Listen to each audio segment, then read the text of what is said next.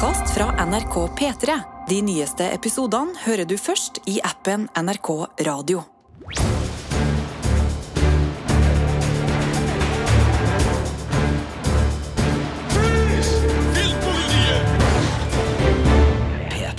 Velkommen til Filmpolitiets podkast her i studio i dag. Sigurd Vik. Og meg sjøl, Marte Hedenstad. Og i dag så er temaet våre favoritter eh, på strømmetjenestene siden sist sommer. Ja, eh, altså vi eh, kjører en liten sommerserie i Filmpolitiets eh, podkast, eh, og der har vi gjort det sånn at vi tenker at det er greit å liksom ta strømmetjeneste for strømmetjeneste, og komme med ferske serietips som vi enten fordi vi har anmeldt dem og liksom bare wow, det her er supert, eller at vi bare har sittet der en god kveld og, og kosa og oppdaga men den her er jo skikkelig god. Så vi skal nå ta for oss de ulike strømmetjenestene. Vi starter med HBO Max i dag. Eh, Og kommer med et lite knippe eh, personlige favoritter. Og Marte var ganske tydelig på kontoret her, for jeg var litt sånn Ja, men hvis noe har fått en terningkast fire, er det liksom da greit nok? Og da sa Marte det er mye god eh, underholdning som får terningkast fire, så her kan det dukke opp serier med terningkast fra oss som kanskje én av oss har gitt, og den andre er uenig. Jeg tror vi kanskje skal dit allerede i, i dagens episode. Mulig. Mulig. Men også, det, det finnes noen serier som får terningkast fire og likevel havner på våre personlige favorittlister. Jeg tenker tilbake for på en serie som Never Have I Ever, Ja. som du ga terningkast fire, men Jeg da vi skulle det. oppsummere året, så hadde jo du den på jeg tror det var femteplass på liksom de beste seriene fra når var det, 2020 eller noe sånt? Ja, noe sånt. Men det var fordi at eh, jeg kosa meg jo så mye med den eh, serien sånn personlig, og syntes det var eh, så artig. Men eh, som anmelder ikke sant, så måtte jeg jo sånn tenke ja, men det, den følger en veldig sånn tradd oppskrift. Det her er jo klisjeer. Altså, så kom jo de tingene med, og det trekker jo ned på terningen. Men sånn ren personlig underholdning så var det jo helt nydelig, så jeg ville jo ha med den på mine favoritter for året. ikke sant? Så, så sånn kan det hende at det ender opp litt grann, i løpet av denne podkastserien her også. Det må være lov å anbefale en god firer på terningen, tenker jeg. Eh, stikkord personlig underholdning her, altså. Men uh, nå snakka vi uh, så vidt om en Netflix-serie, og Ja. det er jo Nei, ikke nei, nei, nei, dit vi skal nå. Og det er kanskje litt sånn rart at vi bare liksom snurrer tilbake til, til uh, fjoråret sånn når vi gjelder liksom utvelgelse, men vi tenkte sånn Vi kan jo ikke bare anmelde de samme seriene som vi alltid snakker om i diverse podkaster, og liksom sånn Ja, på HBO Max der har du Game of Thrones, der har du Six Feet Under, der har du Euphoria altså sånn, Det er jo lett å liksom ta de store, Ja. men ved å liksom ta eh, det siste året, da, de siste tolv månedene, fra eh, det som har kommet liksom i, i høst, vinter og vår, Mm. så håper vi at vi kanskje både holder oss litt sånn eh, holdt på å si aktuell med, og, og litt sånn friskt i minne, men også at det da eh, tvinger oss til å kanskje lete litt under bladene, og ikke Ja. bare eh, ta de store blockbuster-titlene, men, men prøve å huske liksom, hva har vi egentlig sett og kosa oss med de siste ti-tolv månedene. Ja. Eh, Det var en lang intro til en eh, ja, muligens lang podkast, hvem vet, men HBO Max er altså strømmetjenesten. Den er å finne der du finner strømmetjenester. Eh, Hvis du ikke har HBO Max og ikke har tenkt å ha HBO Max, eh, så, så er den podkasten her dessverre litt bortkasta, eller? Nei, altså hvis du uh, har uh, Er det eh, eh, Hva heter den? Telia Play, er det det? Ja, Hvis du har diverse uh, TV-tjenester i ditt borettslag, i Ja. ditt private hjem eller eh, andre, så er ofte HBO Max, og jeg tror av og til Muligens fremdeles så heter det HBO Nordic. At Ja. du kan velge det inn med For diverse det- poeng og, og sånne ting. Så Ja. sjekk nå gjerne hvis du lurer på om du kanskje kan ha den strømmetjenesten her Ja, likevel. fordi, fordi det er ofte sånn uh, Ofte hvis du på en måte eh, Mange har disse der eh, Telia Play og liksom de der diverse Hva heter det? Riks-TV-greiene. Eh, Alt i boks. Ja, Altså, reklame? Ja, men Skal vi, ja. Veldig mange bruker jo ikke TV-en sin på den måten, eh, og så tenker ikke over hvilke kanaler man har. Men hvis du logger deg inn på nettsidene til de diverse, så kan du velge ulike kanaler med poeng. Eh, mulig jeg liksom forteller noe skikkelig obvious her nå, men sånn som eh, det, det jeg har gjort hos meg da, Jeg ser veldig veldig sjelden på lineær-TV, men likevel så har jeg valgt liksom hvilke kanaler jeg ønsker å ha der. Så at jeg har jo faktisk også HBO på min Telia Play. Eh, eh, men- Sjøl om du har HBO Eh, Max-appen eh, på din Helt Apple TV? riktig. helt riktig. Fordi, fordi, for eksempel, i forbindelse med Game of Thrones og sånne store typer serier, så har det nemlig hendt at eh, Det var jo da det var HBO Nordic, da, at den krasja. Og så bare sånn ha Men jeg har Telia Play! og så kunne jeg se det der istedenfor.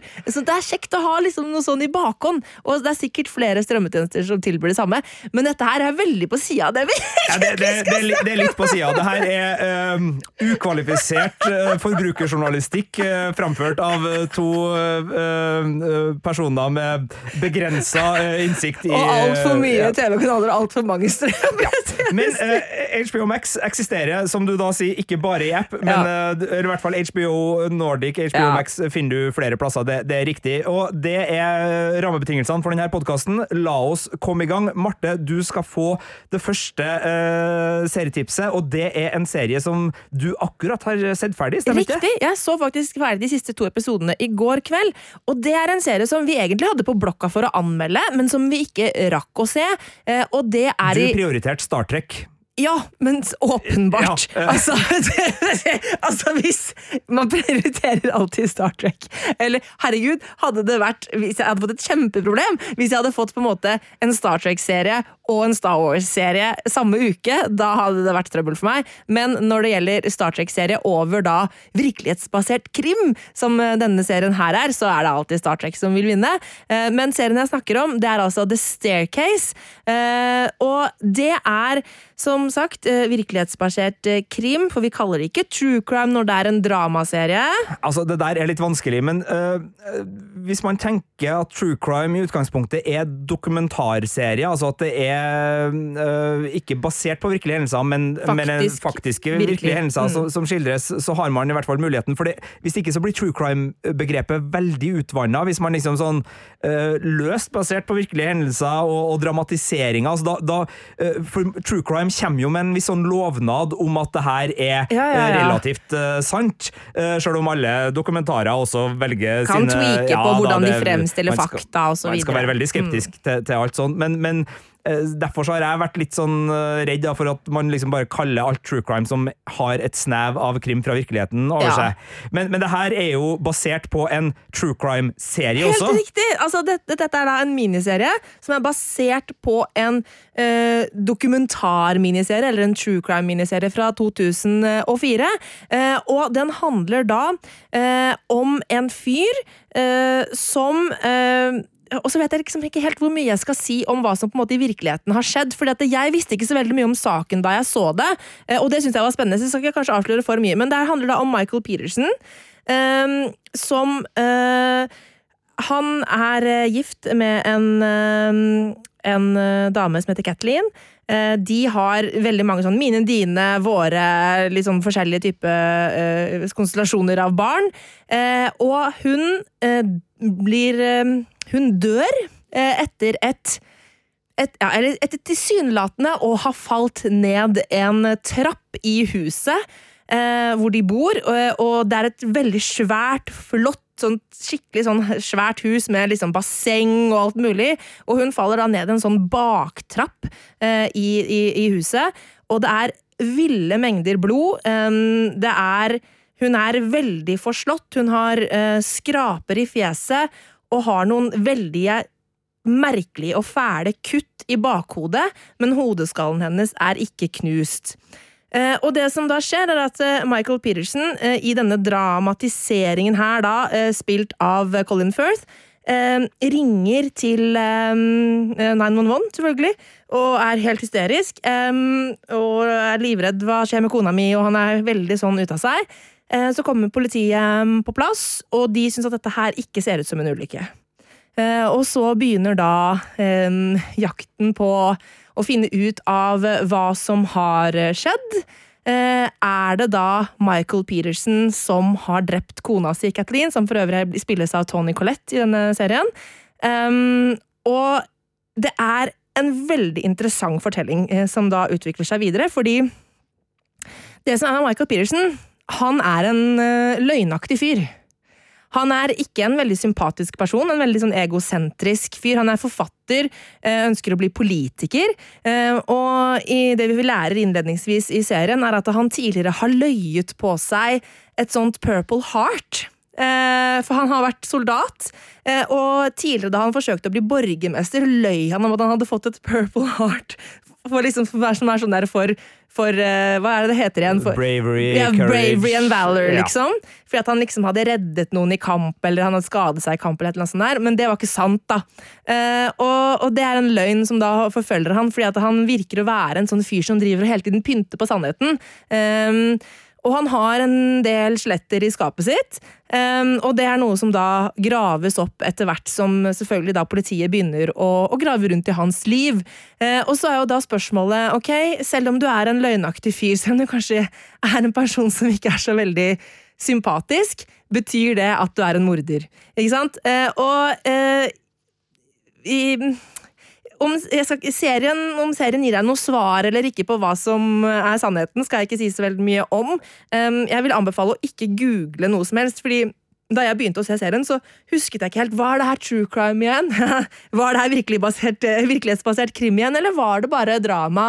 Og så googla jeg det, og da får jeg med en gang opp hva som har skjedd. Så ikke gjør det, fordi det er gøy å være med på, på reisen. Fordi det er veldig mange twists and turns i denne fortellingen her. Eh, og, det, og den er også ganske Tidvis eh, ganske ekkel. Fordi, eh, som sagt, eh, Kathleen eh, dør jo i første episode.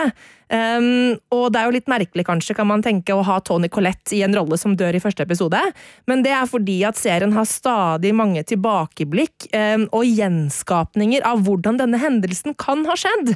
Uh, og der er den skikkelig fæl, eh, denne serien.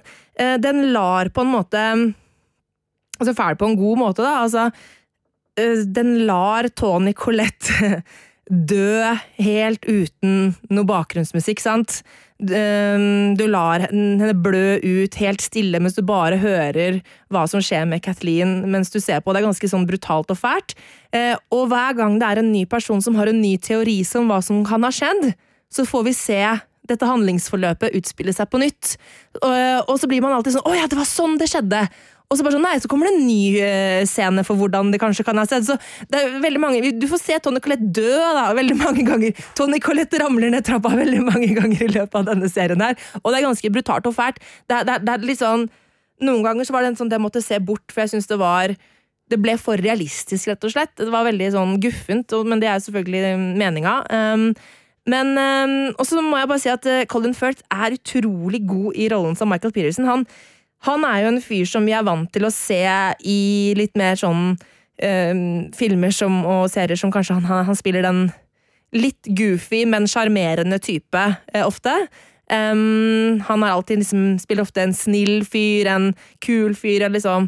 mens her er han en veldig utypisk rolle for Colin Firth. Jeg har ikke sett han i den type rolle før, og han gjør det veldig godt. Han er skikkelig uspiselig som Michael Peterson, uh, og det er veldig, veldig fascinerende å se han som, som en sånn type person. Um, ja, det, det er veldig spennende. Og, sånn, og den, den har en sånn der, uh, strukturell, strukturell oppbygning som gjør at man alltid på slutten av en har lyst til å se mer. Uh, og grunnen til at jeg så de siste episodene først i går, var at det forrige gangen jeg liksom begynte å se, så ble det altfor seint på natta. Så jeg, eh, for jeg hadde sett og sett og sett, og sett, så er det bare sånn Marte, du må gå og legge deg nå, liksom. Og så Du får se de to de siste episodene neste gang. Og det er da åtte episoder totalt. Um, og det er vel på omkring timen hver en av de. Ja. Eh, det er jo også en true crime-serie i, i bunnen her. En, Mm. en av de som liksom eh, kan ses på som en slags eh, pioner, sammen med Virkelig. ja, sånn som man snakker om det nå, kanskje 'Making a Murderer' i podkastverdenen, 'Serial'. Altså, den er vel fra er det 2001? 2004, sånn at det, 2004 var det er veldig ja. tidlig. Ja, og den fikk vel noen nye episoder. Jeg lurer på om det ligger på Netflix, den dokumentarbiten av det her. Riktig. Men her er det da ei dramatisering som ut fra det du sier, vil funke både for dem som er opptatt av saken og, og true crime-biten og nysgjerrig der, men også for dem som liker gode dramaserier og dramatiseringer. Og for dem som ikke da har noe kjennskap til det her fra før, så virker jo det nesten å være ikke nødvendigvis en fordel, men noe som da gjør at du får en ekstra gripende serie som virkelig øh, setter kloa i det. Ja, og det som er litt sånn kult òg, er at eh, denne, disse dokumentarfilmskaperne er jo med i denne serien. Fordi at det, dette jo, det, det var jo en stor del av livet til Michael Peterson i denne perioden. Eh, og han eh, hadde jo også et nært forhold til hun ene dokumentaristen som heter Sophie Broussard, som spilles av eh, Juliette Binoche i denne miniserien. Eh, sånn at eh, det er veldig sånn fascinerende å se på en måte hvordan de jobbet, da selvfølgelig i en dramatisering, eh, men og, og, og hvilke bånd de knyttet, fordi de jobbet eh, sammen eh, over så lang tid. Fordi dette her er jo en sak som pågikk i sånn 15, over, over 15 år, tror du kanskje endte opp med å bli 17 år på slutten der. Sånn at det er jo veldig Oi! Nå går alarmen min på mobilen. Det Ok, Det var World of Warcraft-musikk fra min mobil som melder meg på at jeg skal minne meg på eh, melde meg på en crossfit-time på, på treninga mi! Dere, dere kommer for serietipsene, uh, men dere blir uh, for eh, crossfit. Uh, crossfit ja. Herregud, skru av den. Ja. Nei, men um, ja, altså sånn, Det er veldig mange lag da, til denne, til denne miniserien, og um, jeg satt igjen med et veldig sånn har han gjort det, eller har han ikke gjort det? Mm. Uh, og det er jo da selvfølgelig opp til seeren å bestemme! ja, ja, ja.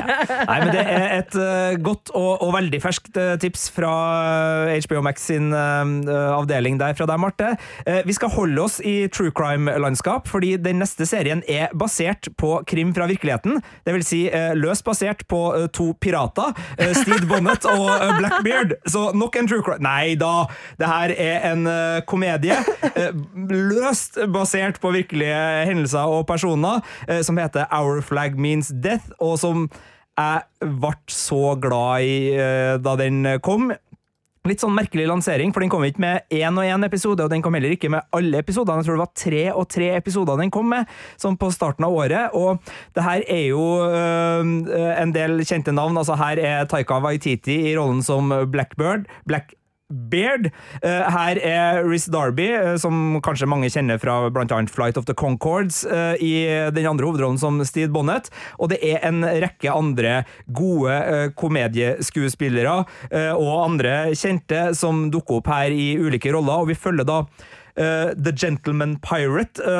Steed Bonnet, uh, spilt av Riz Darby, som er egentlig en rikmann i England, men som forlater sin kone og sine barn for å leve det spennende eventyrlivet som pirat i de karibiske farvann, sånn tidlig på 1700-tallet. Han er jo ikke nødvendigvis veldig god til å være pirat, og han har kanskje ikke samla det aller beste mannskapet, og han har prøvd å ta med seg alt det gode livet har å by på om bord i sin skute. Så han har bibliotek bibliotek, han har uh, store garderober, han har liksom alt det han setter pris på, uh, i tillegg til at han da skal ta fatt på piratlivet. Så er det jo sånn at det er jo flere uh, nasjoner som har hærer som jakter pirater, deriblant britene, og han møter jo noen gamle kjente, da, for han har jo gått de beste skolene og vært en del av det her miljøet, men kanskje en outsider, kanskje blitt litt plukka på av en del andre. Så når han da møter sine gamle skolekamerater, han da som pirat, og de som jakte pirater, så blir det en del uh, morsomme uh, og, og, litt sånn såre og vemodige runder der med, med, hvordan man behandler sine medmennesker. Og så har man da den skumle, skumle Edward Ed Teach, aka Blackbeard, spilt av Taika Waititi, som har et forferdelig rykte uh, som Eller et veldig godt rykte da, som pirat, uh, ja, ja, ja. et rykte som en forferdelig person å møte på ute på havet. Han har et mannskap som er hakket mer kynisk, velfungerende og, og, brutalt. Men likevel så oppstår det i denne serien en veldig fin kjærlighetshistorie. En uh, romantisk komedie som er nå av den mest originale og fineste romantiske komedien jeg har sett på lang, lang tid. Og en serie som virkelig har noen scener hvor både musikk og uh, rollefigurenes utvikling og handling og dramatikk kommer sammen på så utrolig fint vis. Blant annet uh, brukes Fleetwood Mac i en episode på Ja, altså Det er så uh, lekkert uh, utført seriehåndverk at jeg, jeg blir begeistra. Men den er artig, den er fin, den er lun, den er trivelig, den er god. Uh, jeg brukte litt tid på å skjønne hvor godt jeg likte den. jeg var jo veldig åpen for det her, for jeg liker jo Taika Waititi veldig godt, og jeg syns jo Flight of the Concords og den her gjengen med, med komikere er veldig god. det er også kjenninger fra Trainspotting her. Det, det, det, er mange ansikt du vil dra, dra kjensel på. så, så jeg trodde jo jeg skulle få en litt mer sånn fjollete komedie kanskje i starten, og så var han litt det, men den var også litt sånn uh, alvorlig og litt uh, seig. Men uh, så kommer belønninga utover i sesongen, hvor du virkelig har kommet inn i den rytmen og den stemninga som den dramedien legger opp til, mm. og da blir alt det kommer sammen på veldig fint vis. Det er også blitt bekrefta en sesong to, så vidt jeg vet, på den her, så den, den fortsetter. Men den står for seg sjøl, så du, det er ikke en sånn serie hvor du må fortsette å se. Den, den, den er liksom øh, den sesongen her kan sees i, i ett sett. Det er vel uh, ti episoder, så vidt jeg husker. ja. Det er ti episoder på ca. halvtimen, så det er en veldig sånn overkommelig uh, sommerserie å gå løs på det her. Uh, og som sagt, en, en et, et, herlig rollegalleri. altså Will Arnett dukker opp, Gary Farmer dukker opp, Fred Armisen dukker opp. Det er veldig mange folk her som man kjenner fra før, og som gjør at det her er en serie verdt å se. Av en eller annen grunn så har ikke jeg sett den serien her, eh, Sigurd. Og det syns jeg er så rart, fordi at eh, jeg syns både Rich Darby og Taika Waititi er så utrolig sjarmerende. Og så har jeg sett veldig masse YouTube-intervjuer med de to om den serien her. Så eh, nå som du tar frem den her som et eh, tips igjen, så må jeg få, få tatt det til meg sjæl og, og, og, få, og få se denne Our Flag Means Death inne på HBO Max. Men en annen serie som jeg er veldig fan av, og som du kanskje ikke er like stor fan av, apropos det vi snakka om innledningsvis her, eh, det er en eh, ja, kan vi kalle det en superheltserie? Eh, Antiheltserie. Jeg snakker om Peacemaker, um, som jo da har sitt utspring i um, i Suicide Squad-filmen eh, til James Gunn. Eh, og det her, altså for en fryd av en serie. Men du, eh, Sigurd, du trilla terningkast fire da den kom i, på starten av året. Ja, det er riktig. Det er en god serie. Uh, for meg en liten overdose av John Sina sin uh, type komedie. Jeg fikk litt mye av den. Og en, en serie som ikke Altså, Grunnen til at jeg er kritisk mot den For jeg, det her, Du syns nok ja, den er hakket Jeg, er, jeg syns John Sina er morsom. Jeg liker at John Sina er John Sina i den peacemaker-rollen. Eh, sånn at man må jo kanskje ha litt sånn ekstra, Hvis man har litt ekstra sansen for han som skuespiller, sånn den fjollete skuespilleren han er, så, så vil man kanskje få mer ut av denne serien, tenker jeg. Ja, men min innvending er også litt på John Sina sin figur sin vegne, fordi i The Suicide Squad, så er det her en farlig figur. Altså, Den giftige maskuliniteten han representerer, og de problemene han representerer som rollefigur, er liksom en del av det som gjør The Suicide Squad-filmen veldig god. Her øh, fikses han i løpet av første episode. Han, går, han er den personen i første episode, ja. men redemption-arken, fordi de bare vil ha fest og morsomt og sånn, så de, de, fikser han i løpet av første episode, og så er han liksom øh, en vi skal bare ha sympati med. Så de, de, jeg mener at de mister en mulighet. sympati. Ja. Nei, men altså, du, du, skjønner hva jeg mener. Altså, de, de, gjør den uh, harmløs uh, altfor tidlig. Uh, ikke harmløs totalt sett, men altså sånn ut fra den, uh, den personen de bygde i filmen, så, så, så kommer redemption-arken veldig tidlig i sesongen her. og det mener. husker jeg at jeg syns var, var, en missed opportunity, og uh, det gjorde at jeg liksom sånn Ja, det er underholdning, men det er ikke så mye mer enn underholdning. Ja. Mens jeg så ikke på det som at han liksom fikk en så det var liksom ikke den redemption-arken jeg tenkte over i den sammenhengen. Jeg tenkte over at uh, de type Altså den type person og type tankesett som Peacemaker jo representerer i USA, at det var en sånn greie som ble latterliggjort veldig tydelig i, i serien. Og, og um, du kan jo si at det blir ufarliggjort på et vis, men jeg synes mer det var den der type latterliggjøringen som jeg synes var veldig morsomt. da. Um, og jeg, jeg synes det var så underholdende, og hver eneste episode var veldig sånn 'Dette er så gøy!' Og jeg satt der med mannen min og liksom vi storkosa oss gjennom det. Um, og jeg liker også veldig godt um, og hva heter den skuespilleren eh, Daniel Brooks, eh, som da spiller eh, liksom nykomlingen i gjengen, som da vi vet har på en måte noen sånne Hun har noen baktanker med hvorfor hun er blitt med i denne eh, ja, agent eh, slash antiheltgjengen antihelt-gjengen som eh, skal oppklare litt sånn merkelige saker eh, i eh, USA. Vi trenger kanskje ikke gå så veldig mye inn på selve handlingen, for det er mest artig å finne ut av sjæl, men, Men- men det er litt sånn konspirasjonsteorigreier og litt eh, Litt eh, aliens og litt diverse. Ja, eh, og så kan vi jo, for, for veldig mange har jo sett The Suicide Squad, og Ja. veldig mange er jo uh, oppdatert på, på superheltfronten, men, men kanskje ikke alle er det. Og, og det her er jo da en eh, antihelt. altså Han ser på seg sjøl som en superhelt, men han er jo villig til å gjøre hva som helst for yep, fred. absolutt. uh, det er jo karakterlisten som til, til Peacemaker, så han er jo egentlig en kriminell, Uh, Ja. og, han gjør jo mye forferdelig. Han dreper jo gjerne for fred, Ja. eh, og, og dermed så, så har jo han eh, vært en av de som da For Suicide Squad består jo av eh, veldig handlekraftige mennesker, men ofte litt sånn fengsla mennesker fordi at de gjør forferdelige ting, som av og til myndighetene har bruk for, Ja. for de trenger en spesiell gjeng. Og eh, her møter vi jo han litt sånn etter et, eh, det store oppdraget i den filmen. Han har en eh, far, som da spilles av Robert Patrick, kjent fra Terminator-gjengen, som er en helt grusom fyr, men som han likevel liksom har søkt anerkjennelse av opp gjennom oppveksten. Faren er jo nazist, altså Mm. Ja, ja, ja. helt uh, gæli, så, så der også er det jo liksom Man skjønner jo litt sånn hvor Peacemaker har fått sin elendige oppdragelse Mm. fra. Og han blir da nok en gang liksom samla sammen med et nytt team da for å uh, hjelpe til å, å redde verden. Så det er jo den litt sånn enkle, uh, overbærende Ja. biten der. Og så er det sånn at du må se The Suicide Squad før du ser Peacemaker. Ja, det hjelper veldig på, i hvert Eh, fall. Hvis ikke så vil, vil ikke henge helt på greip, kanskje. Så, og det er jo en superkul film, så anbefaler å se den. Den ligger også på HBO Max. Den er terningkast fem. Den er terningkast fem, ja.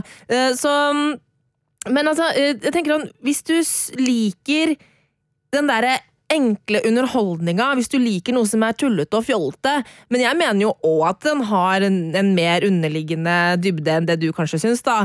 Ja. Um, og så så, så, er det, så er det en kjempegod serie, syns jeg. Og, og så har den jo eh, det som på en måte hever den et ekstra hakk. Denne fantastiske introsekvensen som vi ikke må glemme, uh, hvor det danses uironisk og med på en måte stoneface til Wigwam. Eh, og det, det er vakkert. Det er ingen tvil om at uh, sammen med Severance og kanskje et par til, så, så har Peacemaker den beste åpningsvignetten på TV i, fra det siste året. Den Pachinko. Er, ja, Pachinko også. Ja. Så det, det, det er noen som vil opp der og, og, og kjempe, men Ja. den er absolutt uh, der oppe. Uh, nå fant jeg min anmeldelse bare veldig Ja. kjapt der, Marte, og det jeg skriver er at jeg likte hvordan filmen The Suicide Squad lot Peacemaker-figuren bli en såpass usympatisk og farlig bakside av den arketypiske amerikanske militærhelten, og jeg skulle gjerne sett at serieversjonen hadde våga å la sin hovedperson være mer problematisk for sympatimuskulaturen vår.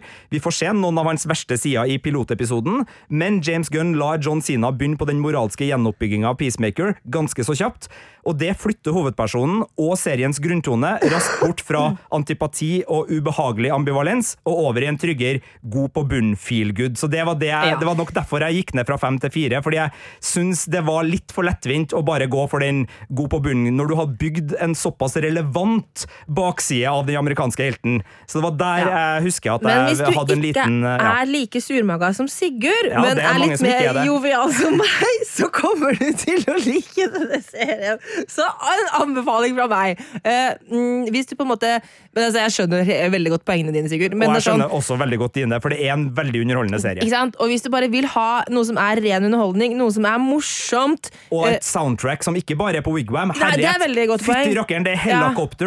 Her er det eh, de finske Hanoi Rocks. Altså, det er veldig mye bra musikk her. Ja, fordi James Gunn han er jo eh, fan av eh, litt sånn eh, hva, hva blir det? Eh, europeisk uh, Ja, altså Han er fan av mye. Han lager gode soundtrack. Altså Han lager fantastiske soundtrack til Guardians of the Galaxy-filmene, og her har han gjort det igjen. Det som kan være litt snedig med det soundtracket, her er at han putter liksom Helicopters, uh, Wigwam og Hanoi Rocks inn i liksom samme Mm. Scandi-rock-gryta. Det vil nok kanskje for en del lokale her i Skandinavia være litt vanskelig å Men fordi han at- ser det med amerikanske øyne, ikke sant? hans, eller de, ja, eh, det det er mulig han er mer raffinert enn det, men, men, men det kan vi, altså det er ikke nødvendigvis ei overlappende CD-samling i alle de norske hjem, det der. Men eh, det, det, er fornøyelig, og det brukes veldig riktig i serien. Ja. Uh, men vi skal videre til et nytt tips. Det skal du få lov å komme med, Sigurd. Ja, du, da skal vi gå over til en veldig uh, sånn Kanskje den mest opplagte, men jeg, jeg nevner den allikevel. Uh, The Wire er veldig uh, anerkjent som en av de alle Nei, nei! Hva er det du driver med? La meg, la meg snakke ferdig her. The Wire er en av HBOs aller største serier. Den trekkes fram støtt og stadig som en klassiker. Ja. Og I april så kom ja. jo en uh, serie som ikke er en direkte oppfølger, men som er en åndelig oppfølger, og som er laga av David, uh, David, Simon og George Pelacano, som begge var blant de sentrale skaperkreftene bak The Wire. det er da We Own This City, som er basert på virkelige hendelser og en politiskandale i Baltimore, og som da virkelig evner å vise fram hvorfor systemet ikke funker, mm. og hvorfor vi nå lever i en verden hvor spesielt i USA politiforakten er så uh, stor. Uh, den uh, har veldig gode skuespillere, den har veldig gode miljøskildringer, den er på gata, den er troverdig. Den har noen fortellergrep som kan bli litt slitsomt, annet med at alt skal liksom ta utgangspunkt i politirapporter, som er liksom kapittelinndelinga vår. Så vi starter liksom med sånn, og den hopper veldig mye i tid, men totalen er at den blir grundig og gjennomgående god. Så vi skal ikke bruke veldig mye tid på det her, i og med at The Wire er en såpass eh, stor tittel, og også We Own This City er en serie som veldig mange allerede har eh, fått med seg. Den er virkelig ikke en sånn skjult skatt, det her, men den kom nå, og hvis du ikke allerede har fått den med deg, så gjentar jeg tipset. Altså, We Own This City, den grav treffsikkert i en amerikansk politiskandale. Den gir innsikt, og den er underholdende som en virkelighetsnær uh, krimserie. Ja, Så skal jeg også snike inn et lite tips på tampen her. Jeg merker at jeg er litt sånn der liker de der lettbeinte underholdningsseriene også. Eh, fordi The Sex Life of College Girls er en artig liten Kanskje ikke perle, men en artig liten sak hvert som ligger inne på HBO Max. Og det, eh, det er en sånn tenårings... Uh, ja, komedie. jeg tror de kaller den dramakomedie, men det er først og fremst komedie, vil jeg, vil jeg si. Eh, som da handler om en gjeng med med tenåringer som går på college eh, i Vermont i USA.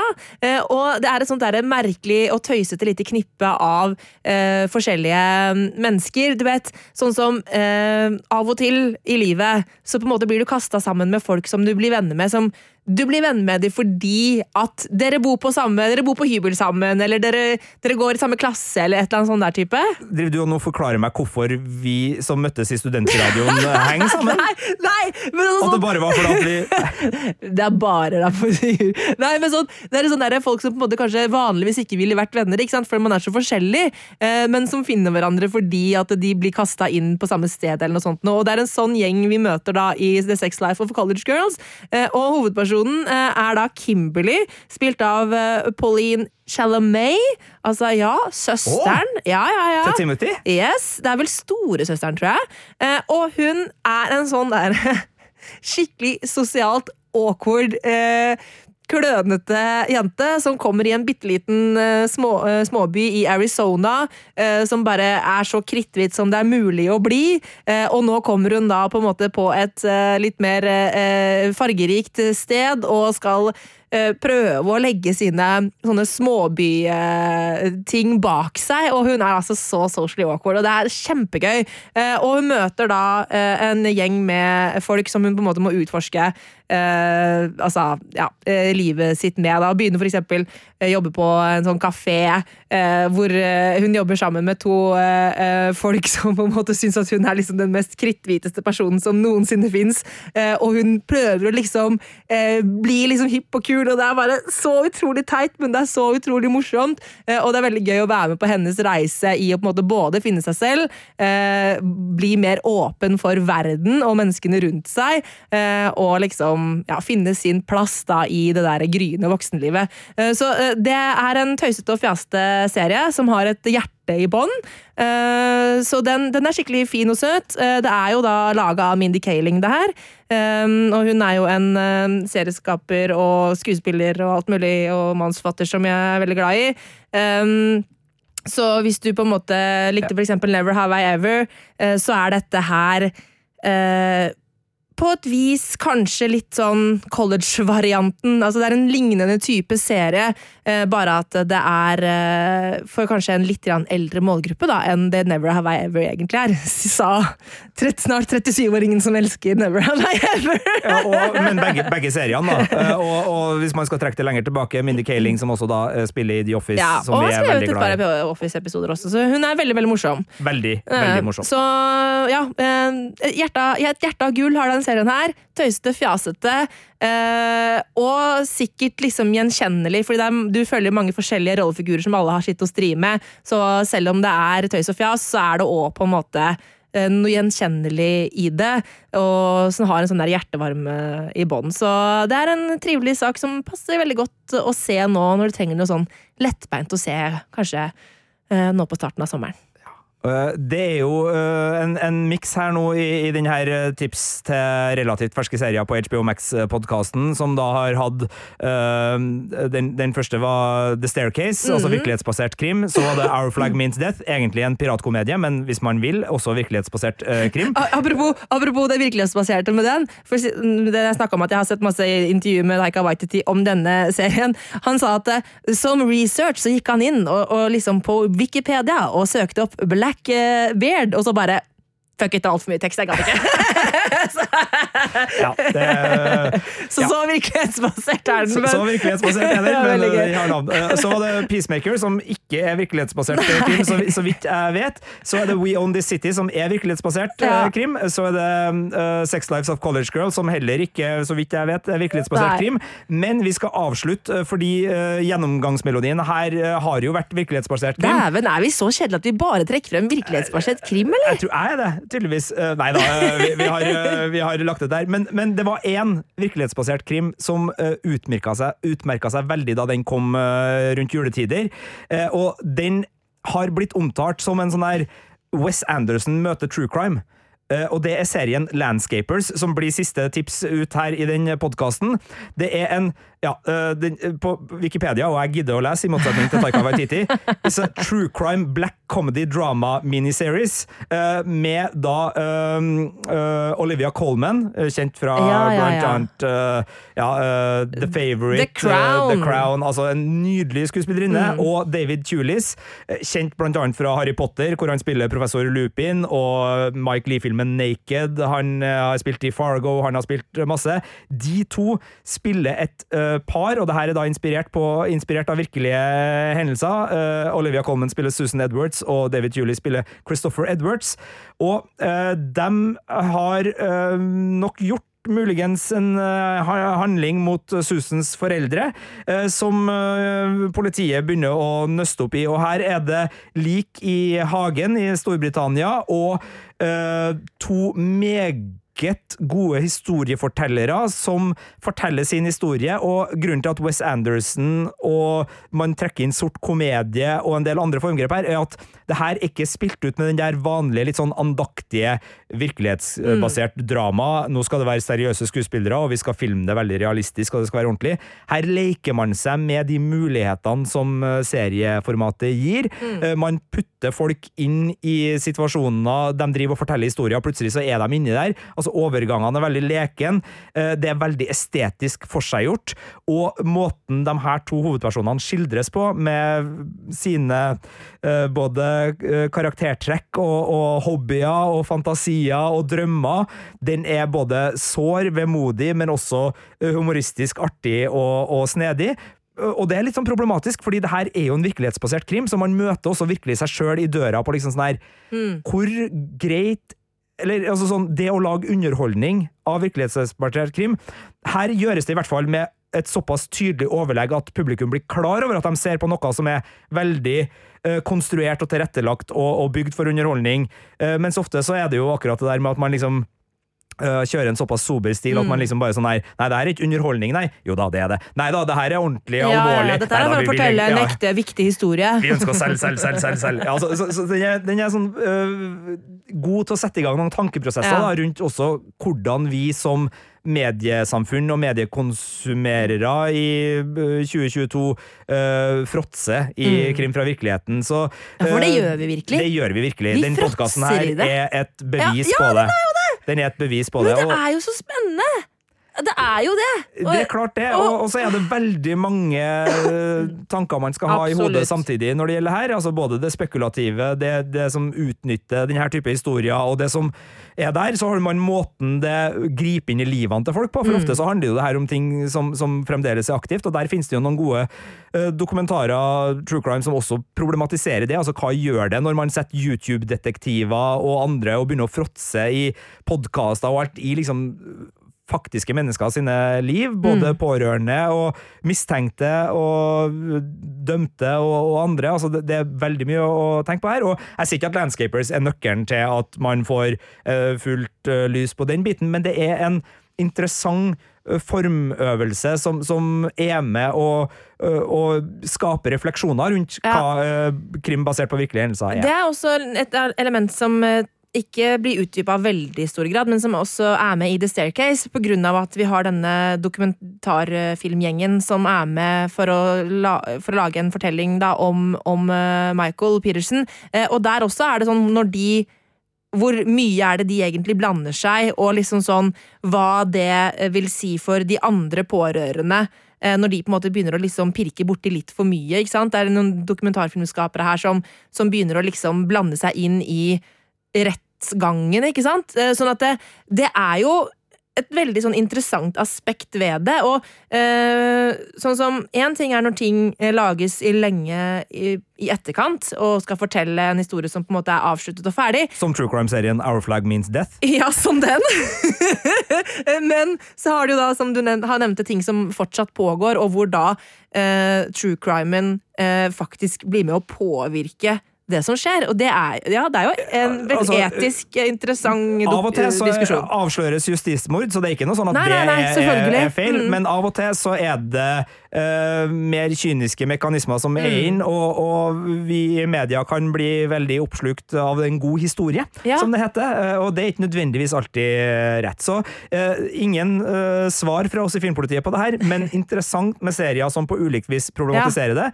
Og da, fra The Staircase, som vi starta med, til Landscaper, som vi nå avslutter med, så er det gode serier om temaet eh, på strømmetjenesten HBO eh, Max. Ja, eh, og nå har vi skravla mye og, og kanskje surra litt rundt, men hvis du går og ser på beskrivelsen i appen din, eller hvor du, hvor du hører denne podkasten, så har vi lista opp alle eh, seriene som vi har tipsa om i dag, sånn at eh, du trenger ikke drive og spole frem og tilbake for å finne ut av hva det var du egentlig skulle se.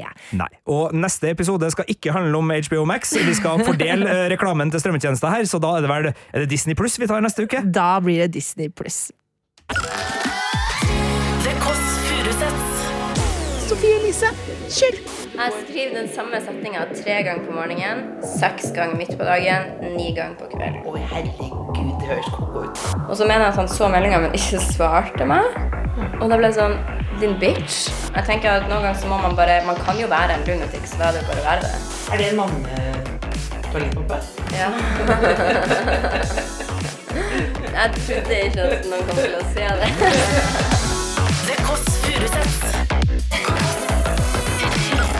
Søndag fra 11 på P3 og som podkast i appen NRK Radio.